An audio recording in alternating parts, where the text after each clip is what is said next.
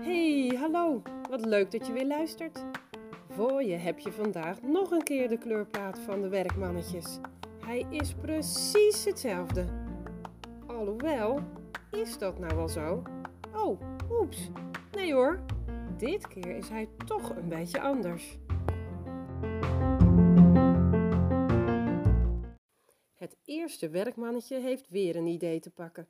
Hij geeft het door aan het volgende werkmannetje om er de goede letters bij te verzinnen.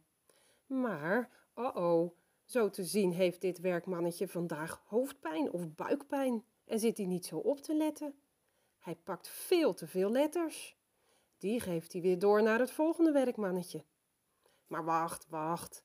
Die gaat dit er vast wel oplossen. Die ziet dat natuurlijk wel. Oh, wacht, wat? Oeps, dit werkmannetje heeft denk ik niet zo lekker geslapen. Hij zit te suffen daar achter die lopende band. Kijk dan, hij slaapt bijna. Hij ziet helemaal niet dat er te veel letters zijn doorgegeven. En oh nee, de bewegingen die hij erbij klaarlegt zijn ook al niet echt helemaal goed zo te zien. Het laatste werkmannetje raakt behoorlijk in paniek. Hij moet die hendels bedienen die al jouw spieren van je mond en tong aansturen. Ach ja, daar heb je het al. In plaats van één zon zeg je nu wel vijf keer het woord zon. Dus misschien zeg je: Mama, mag ik een ijsje, want het zon, zon, zon, zon, zon, zonnetje schijnt. Phew, dat viel mee. Mama snapt nu echt wel dat jij een ijsje wilt. Gelukkig maar. Dat ging even mis, maar het was nou niet echt een probleem. Mama snapte meteen wat je wilde vragen. Kom op, werkmannetjes, even opletten nu. Ja, ach, werkmannetjes zijn natuurlijk ook maar gewoon werkmannetjes. Die zijn wel eens moe of niet zo lekker of zitten niet zo goed op te letten. Zo werkt het met je echte hersenen ook. Als jij moe bent, zijn je hersenen dat ook. Voel jij je niet helemaal lekker, voelen je hersenen zich ook niet helemaal fijn en zijn ze aan het zorgen dat jij je weer beter gaat voelen.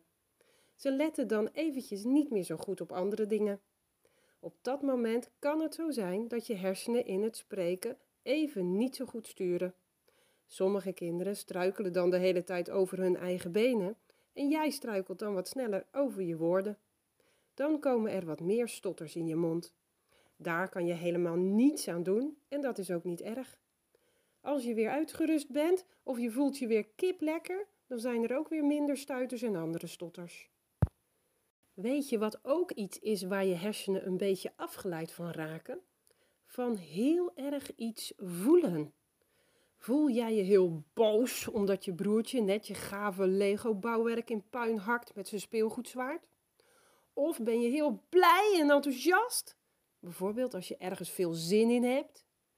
Of ben je heel bang van die grote spin daar op het plafond? Of is de film heel spannend? Of misschien ben je wel heel verdrietig, omdat je net precies ziek bent geworden als het feestje van je beste vriendin die dag is?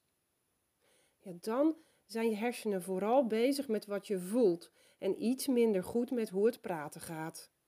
Dan zul je merken dat er misschien bij jou ook meer stotters komen. Of dat de stotters die er zijn wat langer en lastiger zijn. Dat is echt wel even vervelend. Zeker als je graag wilt vertellen wat hetgeen is dat je blij of boos of verdrietig maakt.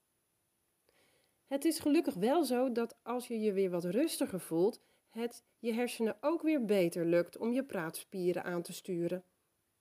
Daarom zeggen grote mensen wel eens als je super enthousiast aan het vertellen bent, doe maar rustig.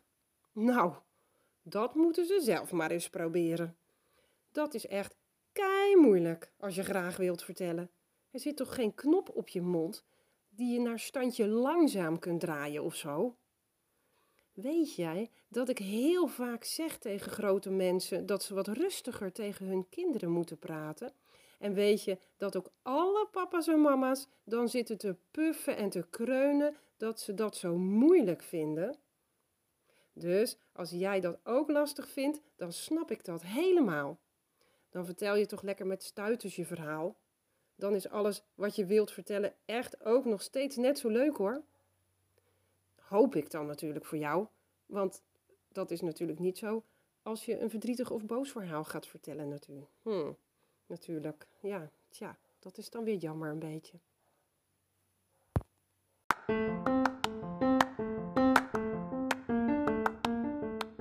Weet je, ik heb zo'n grappig filmpje gevonden op YouTube waar het ook misgaat bij een lopende band in een fabriek. Het filmpje hoort bij een liedje van André van Duin en moet je zeker kijken. Het is maar niet te hopen dat het bij de werkmannetjes in de fabriek in jouw hoofd zo'n troep wordt, zeg. Ik zet het filmpje in een link op mijn website. Voor vandaag ben ik klaar met vertellen. De volgende keer gaan we puzzelen. Dat wordt weer gezellig. Tot de volgende keer.